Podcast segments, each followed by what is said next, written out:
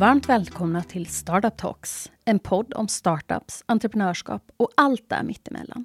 I denna podden fokuserar vi på människorna bakom idéerna, drivkraften och visionerna. Och Startup Talks produceras av LID, Östergötlands företagsinkubator, som jobbar med startupgrundare för att de snabbare och säkrare ska växa sina bolag och nå sina mål och visioner. Vi tillhandahåller inte bara verktyg för att nå framgång i bolagsresan, utan på LID har vi också kunskap och erfarenhet för att hjälpa startups bli lönsamma samtidigt som vi ser till att deras sociala och miljömässiga påverkan blir positiv. Men utöver att vi arbetar med de som har en affärsidé så arbetar vi med olika entreprenörskapsprogram för att realisera affärsidéer som annars aldrig kanske hade sett dagens ljus. Idéer som inte har en champion som aktivt kan arbeta med dem men där man ändå vill att idén ska provas och komma till nytta ute i samhället. Idag ska vi därför prata med två gäster som har ett väldigt stort entreprenörsdriv men som faktiskt inte arbetar med sina egna affärsidéer. De har snart i sex månader varit traineer hos oss och de är våra entrepreneurs in residence. Vi säger hej till Sally och Frida. Varmt välkomna till Startup Talks. Mm, Tack så jättemycket. Tack. Kul att ha er här. Och nu ska vi gräva i och få veta lite mer om ett av de här entreprenörskapsprogrammen som vi driver. Men vi kanske ska börja med en kort introduktion. Ska vi börja med dig Frida? Vem är du? Frida Wigler heter jag. Jag är 25 år. Jag eh, identifierar mig själv som en hästtjej som hållit på med hästar hela livet. Tävlat inom hästhoppning. Pluggat inom industriell ekonomi och nu läser jag, eller går det här traineeprogrammet på LID. Och Sally, vem är du? Eh, jag heter Sally Winter. Jag kommer från Stockholm och flyttade 2018 till Linköping för att plugga till civilingenjör i energi, miljö och management. Och nu är jag här på LID som trainee. Kul! Ska vi dyka rätt in i, eh, i smältdegen, eller vad det är man säger.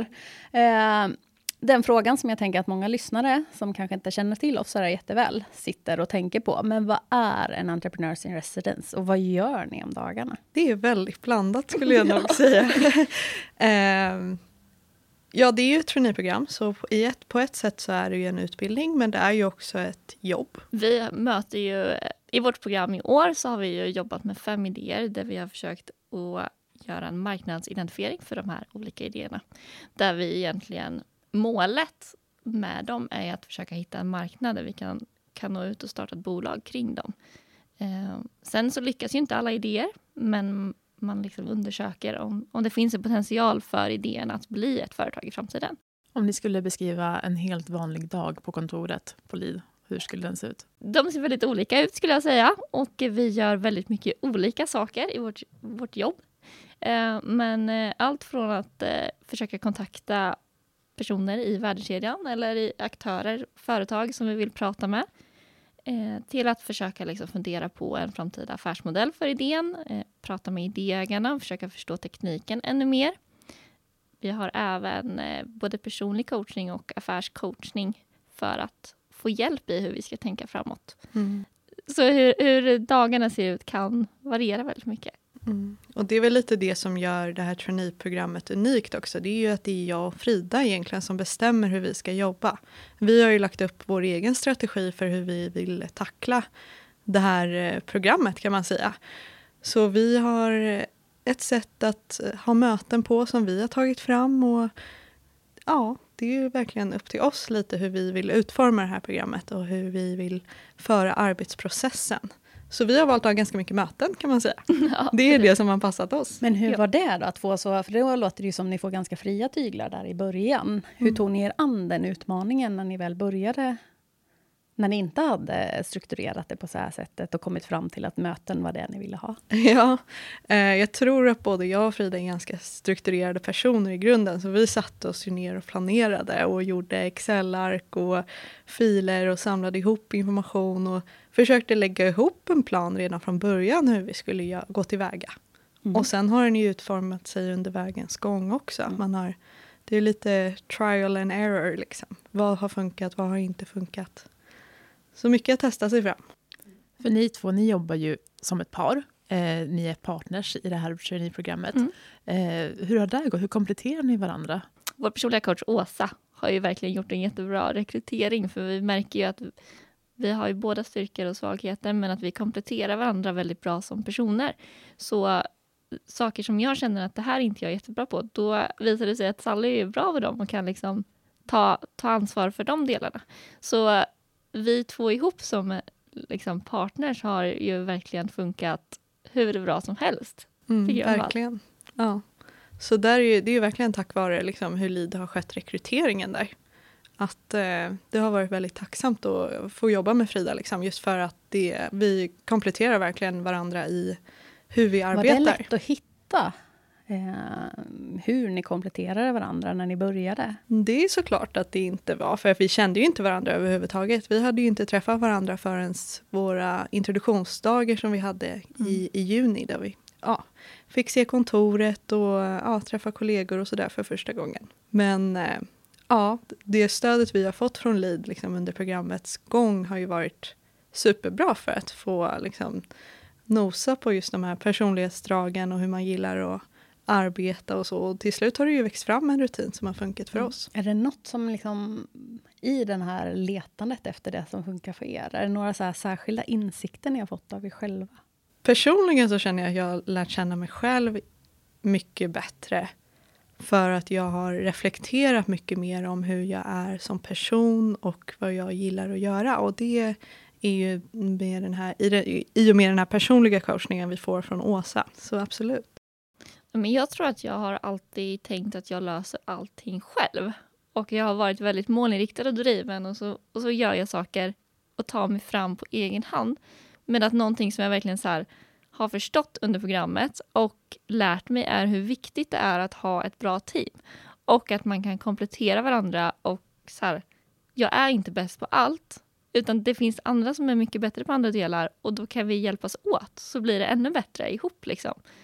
Det är en väldigt stor lärdom som jag tar med mig personligt. Liksom. Mm. Nu är vi mycket i där ni är just nu. Mm. Uh, jag tänker om vi tittar tillbaka lite, för att rekryteringsperioden har ju varit öppen ett tag. Mm. Uh, och det är dags för nästa omgång av Entrepreneurs in Residence, för vi gör ju det här på årlig basis på LID. Uh, om ni går tillbaka, var det ungefär ett år. Hur började det hela för er?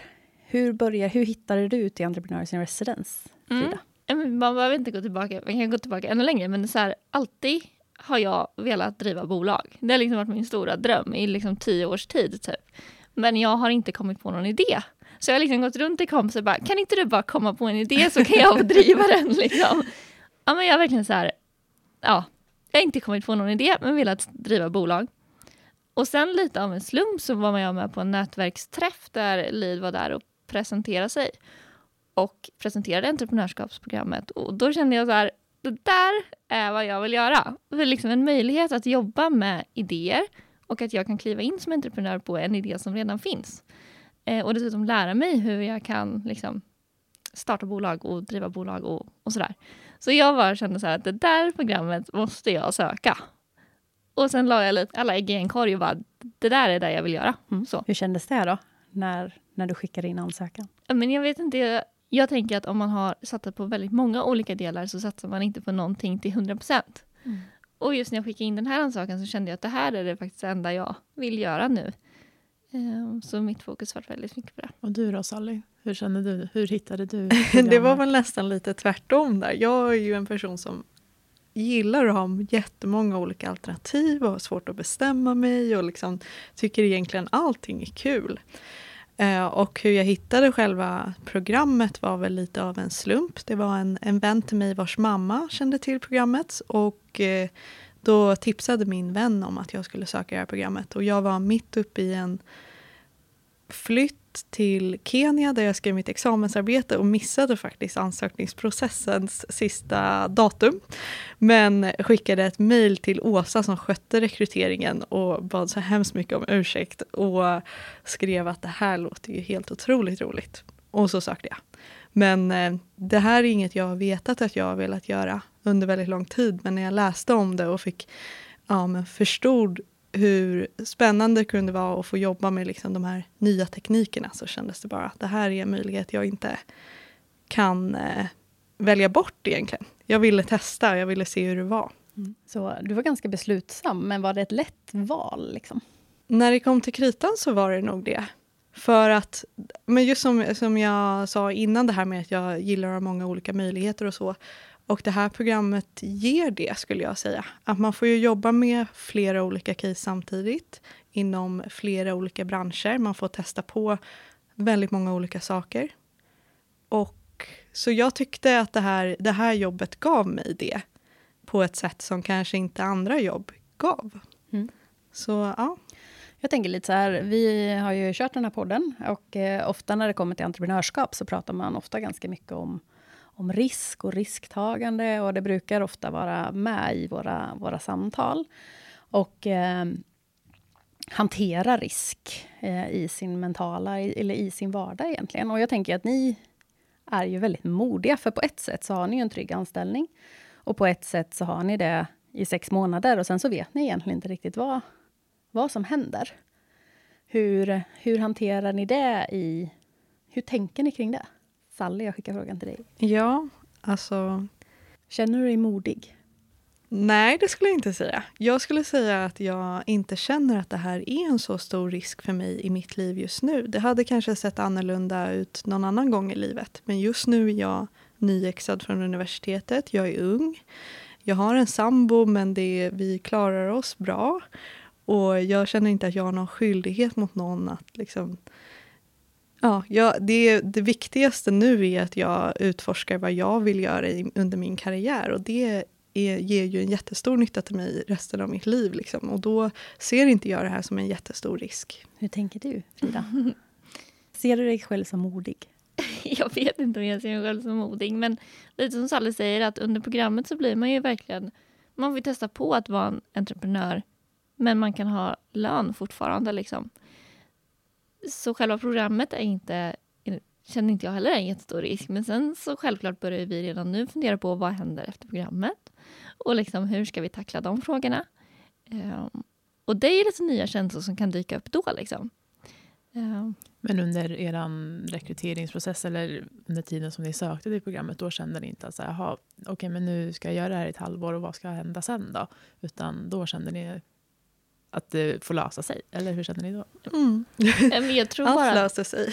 ja, men jag tror också att det här programmet öppnar upp för extremt många möjligheter efteråt. Så även om man vill ta en anställning sen så tror jag att det här programmet bidrar till att det är en väldigt bra referens att ha på CVt oavsett. Liksom. Det var det jag ville höra.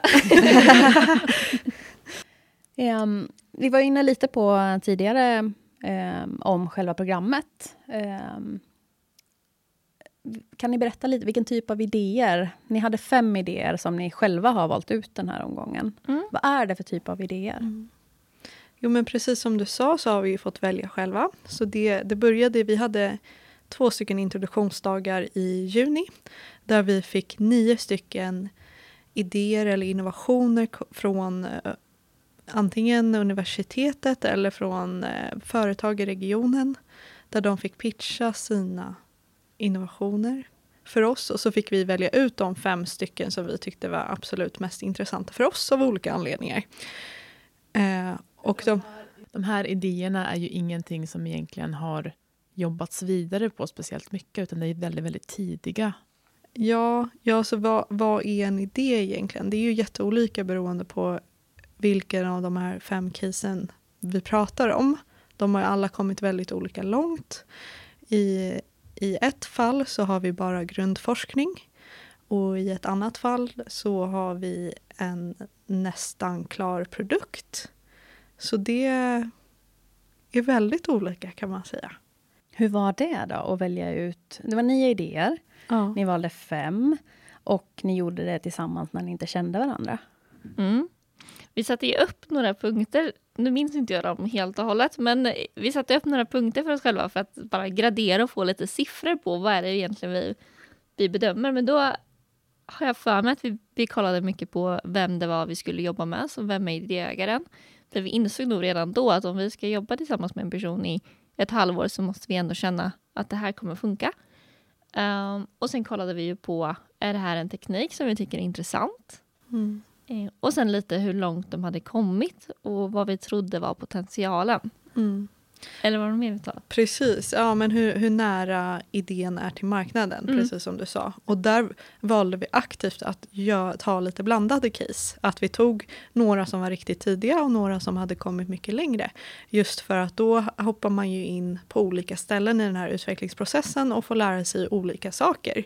Och med de idéerna som har kommit långt så är det ju också större sannolikhet att det kanske blir ett bolag rätt snart. Medan de tidiga idéerna kommer ju kräva mycket mer arbete. Så det var ju ett taktiskt val för oss att liksom verkligen få lära oss alla delar av eh, affärsutvecklingsprocessen kan man säga. Ni gjorde en kort intro när vi började sitta ner här. Och ni har ju inte en teknisk bakgrund själva. Hur är det att jobba? För det är ganska svåra och komplex teknik i majoriteten av de här idéerna. Hur är det att förstå sig på den snabbt för att faktiskt göra ett bra verifieringsjobb och försöka få ut på marknaden? Jag minns den första veckan när vi satt och försökte läsa på liksom, om alla idéer att det här är nytt. Men så sjukt intressant eh, och nödvändigt för att kunna jobba med tekniken. Mm. Och sen så lär ju vi oss saker hela tiden Mm. som skapar liksom en större förståelse för vad tekniken handlar om.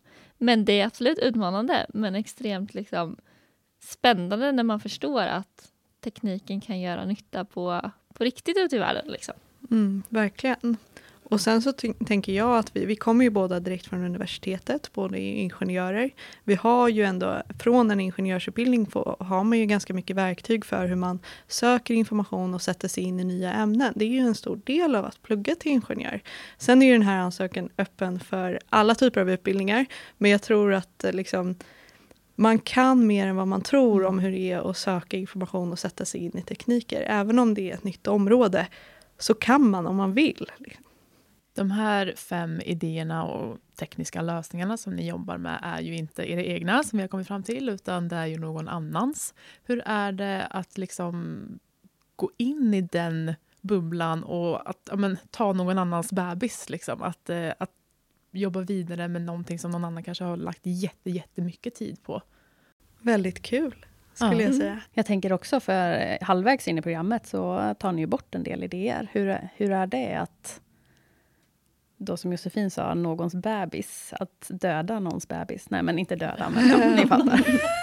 Programmet är lite annorlunda i år, så Mm. vi behöver inte göra den där starka katten som jag vet Mm. att det har varit andra år. Mm. Men ändå såklart, det är inte jättekul att göra, göra slut med en idé. Liksom.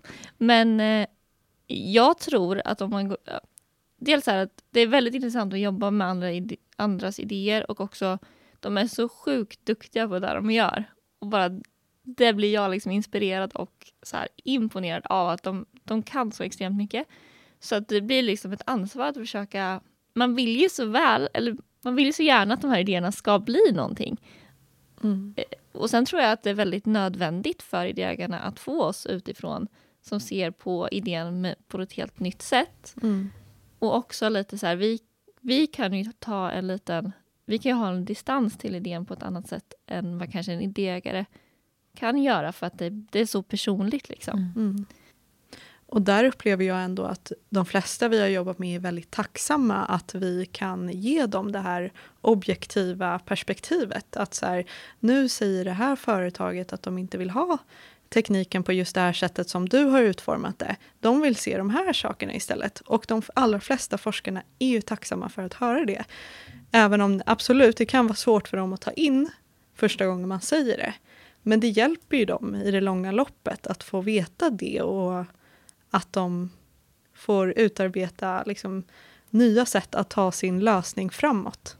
Bara för att vara så krass som möjligt, varför kan forskarna inte göra det här själva? Vad, vad är det ni kommer in och stöttar upp dem med? Men forskarna är jätteduktiga på att forska. Oftast har de kanske inte, det är lite olika, men kanske inte jättestor insikt i marknaden eller hur man bygger en affär av den här idén. Och det är ju på något sätt där vi ska försöka komma in och komplettera deras tekniska kompetens med liksom, vad Mm. säger marknaden egentligen och hur kan vi få din innovation till att bli en produkt som någon kan köpa. Liksom. Mm. Så det är lite den sidan vi försöker väva in. Bara en sån sak som att vem är kunden till den här innovationen kan vara jättesvårt att svara på innan man verkligen Mm. har pratat med många aktörer på marknaden. För Mm. värdekedjor är komplexa. Om man bara ska exemplifiera liksom, så att man förstår. ehm, hur många har ni pratat med kring varje enskild idé ungefär? Liksom? Runt 20 va? Hade jag Mm. haft möten med, men jag har haft Ja. kontakt med betydligt fler. Ja, alltså vi har ju skickat över tusen mejl och hört av oss till väldigt, väldigt många personer på LinkedIn och så. Och sen har vi haft, ja men precis som Frida sa, längre möten nästan som intervjuer med ungefär 20 personer eller aktörer inom varje case. Så den som Hittills. kan, Ja, hittills. ja, så den som kan göra snabb huvudräkning inser ju att ni har haft över 100 möten. ja, det stämmer. Ja, Ja. Det var i november ni slog den eh, mål. Precis. Ja. Ja. Och det är väldigt imponerande faktiskt. Ja. Men jag tror så här, man kan ju läsa på väldigt mycket om Alltså så här, använda och googla sig till mycket information. Men för att få de riktiga svaren och för att få veta om idén har potential på riktigt så måste man prata med aktörer. Och då är det som Sally säger från hela värdekedjan. Allt från liksom slutanvändaren till tidiga komponenter som kan ingå i samma produkt eller sådär. För att förstå vart finns det ett behov och vart kan den här idén göra nytta på riktigt. Liksom. Mm. Var det det här ni hade förväntat er när ni tackade ja till anställningen? I- Absolut, ja. Men eh, jag tror att det var väldigt svårt att föreställa sig Mm. hur det skulle vara i verkligheten att jobba med det här. Vad hade ni önskat att ni skulle få veta innan ni tackade ja? att det liksom... För mig var det så här, den här annonsen som låg ute kändes helt klockren. Och det kan jag säga så här, när man väl jobbar här så känns det ännu bättre. Liksom, om man kan lägga till det på något sätt så... Men man, vi befinner oss ju i ett community på Lead som är helt fantastiskt. Dels att det finns extremt många affärscoacher som, kan, som bara finns där och kan stötta och komma med idéer. Och att det sitter en massa andra startupbolag som sitter med liksom enorm kunskap Mm. om hur man gör. Eller kan göra. För ingen, ingen väg är den andra lik har vi fått lära oss. Men att få liksom den inspirationen av fantastiska människor runt omkring. Den delen är svår att få med i annonsen liksom. Mm. Men så är det verkligen. Mm. Jag håller med.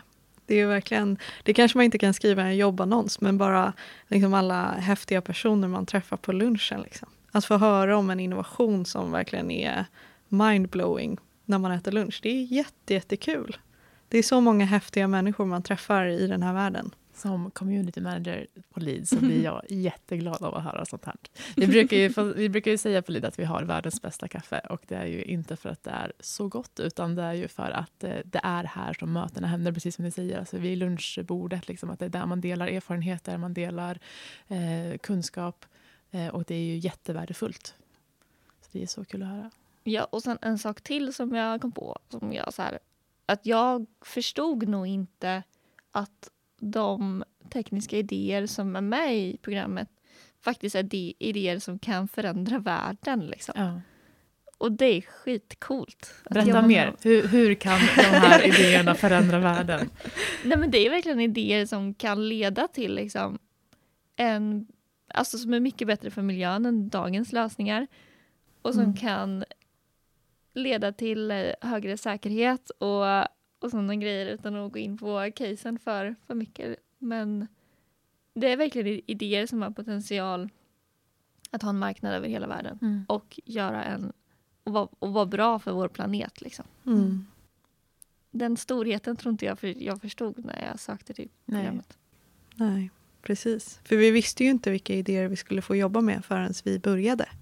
Så det var ju, ja, det var så jäkla kul också att få vara med i processen och välja de här idéerna själv Mm. utifrån vad vi trodde skulle få stor potential. Spännande. Du började ju Frida med att du alltid velat bygga bolag och alltid har letat efter de här idéerna. Så det är ju väldigt spännande att det är nu en portfölj med häftiga bolag som kan, kan förändra världen. Hur ser du, vad ser du att det skapar för möjligheter för dig framåt? Ja, men på något sätt så målet med traineeprogrammet, mitt mål med traineeprogrammet, tror det också är Leads mål med traineeprogrammet, är ju att programmet ska spotta ut idéer som söker en entreprenör att liksom driva vidare efter programmet. Så att jag har ju förhoppning om att vi ska komma så långt med någon av någon eller några av de här casen att det finns ett potentiellt bolag vi kan starta efter programmet. Liksom. Mm. Och om inte det sker så finns det enormt många andra idéer som, som man kan jobba med utan att vara liksom, kanske grundare eller delägare i det här bolaget. Men någonstans är ju förhoppningen att ha en ledande position i något startupbolag framåt. Hur var det? För att jag vet ju att ni har haft en del inspirationsmoment eller man ska säga, med andra. Och det finns ju en del bolag eh, där som har skapats av traineeprogrammet. Mm. Hur, hur, hur var det? Att lyssna på? Eller? Ja. Ja. det är ju väldigt inspirerande och vi försöker liksom så fort vi har lunch med dem bara hur gjorde ni här? Vi försöker ta inspiration från dem. Mm. För det är väldigt inspirerande att, att liksom förstå att de, de har verkligen tagit de här idéerna och, och gjort ett eget bolag av dem Mm. framåt. Precis. Ja, det är, ja, precis. Det är ju många tidigare deltagare i traineeprogrammet som jobbar kvar inom den här världen och antingen driver egna bolag eller är anställda på andra startupbolag. Och det är ju ja, superkul att få ha dem nära och ja, precis som Frida sa, lära av dem. Något som vi på LID kanske inte pratar så mycket om, men ni nämnde det innan, är just att man får under traineeprogrammet får man både coachning om affärsutvecklingsdelarna i, med de olika casen, men att det också är en del coachning i personlig utveckling. Eh, och det är ändå ganska få, skulle jag säga, i 20-årsåldern som har eh, en egen coach inom personlig utveckling. Vad har det inneburit för er? Om vi börjar, jag tittar på Sally nu. Mm. Jag tycker att det har varit en otrolig möjlighet. Det har varit superutvecklande för mig. Det har varit så mycket saker som jag aldrig har reflekterat över. Beteendemönster hos mig själv och hur jag beter mig i olika gruppkonstellationer som jag inte ja, men kanske skapat utrymme för att eh, tänka på tidigare. Men nu i det här sammanhanget så blir det så aktuellt att fundera över och då har jag verkligen lärt mig supermycket om mig själv och hur jag är och hur jag gillar att vara och också hur andra uppfattar mig i olika gruppkonstellationer. Det har varit jätte, jättelärorikt verkligen och något jag kommer ta med mig liksom i, i resten av min karriär oavsett hur den ser ut. Hur Mm. har det varit för dig? Alltså, Jag har ju gått lite så här personlig coaching tidigare kopplat till min, eh, när jag satsade inom ridsporten. Och jag tycker att det är, alltså det har alltid varit väldigt intressant och jag tycker det är väldigt kul att gå i coachning. Och här har det varit så stort fokus på att så här, vad har man för styrkor och hur kan man lyfta dem och få fram dem? Eh, och Åsa är ju helt eh, galet bra på att hitta grejer att, att jobba med. Liksom. Och det som är nytt för mig är att jobba så nära en annan person som Sally i det här läget. Och att vi har fått redskap för hur vi kan jobba tillsammans och hur vi kompletterar varandra. Genom att få en förståelse för varandras personligheter och styrkor och, och liksom svagheter. Hur kände ni där i rekryteringsprocessen? För det börjar ju redan i rekryteringsprocessen så gör man ju personlighetstester. Hur gick era Mhm. tankar när ni... Redan där var jag Ja. så här, för då, ja men precis som du säger så gör man ett personlighetstest och sen så går man igenom resultatet med Åsa som både håller i den personliga coachningen och också var väldigt delaktig i rekryteringsprocessen. Och redan där lärde jag mig saker om mig själv. Och det var ju innan jag ens fick det här jobbet, innan jag ens fick ett jobberbjudande här. Så det, då var jag verkligen att det här är någonting jag vill utforska mer och lära mig mer om. Och, och det, som sagt, det var ju bara en intervju. Men kan ni berätta lite mer hur ni använder de här? För ni har ju personlighetstester och jag vet att ni håller på med lite andra verktyg och coachningen med Åsa. Men hur, hur viktig är den personliga coachningen i, i affärsutvecklingsdelarna? Hur mycket använder ni de verktygen? Jag tror att om man ska kliva in som vd på ett bolag framåt så krävs det att man på något sätt bygger upp sig själv och har en stabil grund i sig själv. Att man, om vi pratade om mod förut, att man är tillräckligt modig för att ta sig an den utmaningen. Och på något sätt känns det som att den här personliga coachningen som vi har nu ska liksom boosta oss i att bli så trygga och starka i vilka, vilka personligheter vi är för att kunna ta oss an den utmaningen framåt. Mm. Är det målet att bli vd? Ja, Mm. en del av målet i framtiden. Tror du att det kan bli det i något av de här bolagen som ni jobbar med nu? Eller idéerna? Kanske, Kanske. möjligtvis. Du då Sally? Vad är ditt Jag mål? tror absolut att det är möjligt. Mm. Är det någonting som du vill? Ja, om det, om det är rätt bolag och det känns rätt i mig att driva det så absolut, då är det verkligen någonting jag vill. Var det mål eller viljor som ni hade innan ni sökte programmet? Eller sökte ni programmet för att det skulle bli språngbrädan till en vd-roll? För mig, jag sökte ju programmet för att utforska den här möjligheten. Det var ju inte något jag visste helt tydligt då. Men nu har jag ju lärt mig väldigt mycket mer om hur det är och ser att absolut, det här är något jag skulle kunna göra. Men det är något jag har lärt mig på vägen. Vad skulle ni säga är det mest värdefulla ni har fått ut hittills av att vara traineer på LID? Nu ser båda lite panikslagna ut. så jag, Så jag ställer frågan till Frida. Eh, jag, jag har utvecklats massor som person och lärt mig att liksom, vi ställs inför stora utmaningar och ställer krav på oss själva att det ska bli så bra som möjligt. Och vi lyckas. Liksom. Mm. Och ja, Man kan allt om man vill och har människor runt omkring en som Mm. kan hjälpa en att uppnå de målen. mm, Alltså, my- mycket, mycket det, liksom. gemenskapen och att man ensam inte är starkast. Och, och att man klarar väldigt, väldigt mycket om man vill. Vem är Entrepreneurs in Residence för? Vem ska söka? Eh, antingen om man är som jag, att man letar efter någon idé och inte har någon idé och vill driva bolag och utvecklas inom det. Eh, men egentligen skulle jag säga vilken person som helst som är målinriktad och vill någonting framåt. Liksom. Mm. Min personliga drivkraft i det här är ju hållbarhet. Eh, Jag har ju en bakgrund inom energi och miljöteknik och jag vill jobba med saker som bidrar till att världen blir mer hållbar. Och att få göra det med nya innovationer och ny teknik som verkligen kan förändra världen, det var ju det som lockade mig i det här. Att eh, få vara med på den här resan till ett hållbart samhälle och vara drivande i det. Mm. Så jag tänker att om man har någon sån tanke, att man vill vara med och utveckla världen till något bättre, så tror jag att traineeprogrammet är jättebra att söka. Fina ord. Ja, men hur ser ni på framtiden då? Vad är drömscenariot om, om vi ringer upp er om fem år? Eller då kanske ni redan är i... Ni kanske sitter vid fikabordet då också. Ja. vi får se. Men vad är drömscenariot om fem år? Att jobba på ett företag som har en teknik eller en innovation som verkligen leder till en positiv utveckling i samhället. Och att jag får vara med och styra den utvecklingen. Och Frida? För mig är det nog samma sak eller liknande. Att kunna vara med och utveckla någonting. Så om fem år ska vi ha kommit ganska långt, tänker jag. Tagit över världen kanske. Vi pra man pratar ju ofta om att man behöver inspiration och förebilder. Så om ni ska ta över världen om fem år eh, och göra den bättre och förändra den. Eh, vad har ni för förebilder som inspirerar er?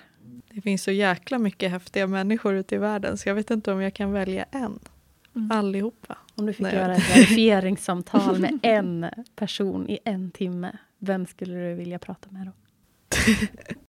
Jag har svårt att säga en person också för att jag tror att alla människor har någonting att bidra med. Så det finns så jättemånga människor som man kan liksom lära av som inte behöver vara en känd person utåt. Utan någon som sitter liksom, eller flera personer som jobbar bakom kulisserna. Som liksom... Mm, jag har svårt att säga en person. För att jag skulle vilja prata med så många. Härligt. Hur summerar vi det här, Josefin? Ja, är man nyfiken, är man redo för att utforska, har man ett driv eh, då, och tycker att eh, Residence verkar intressant, då ska man ju absolut söka. För att då kan man ju sitta här om ett år och podda med oss. Ja, eller hur? Bara det.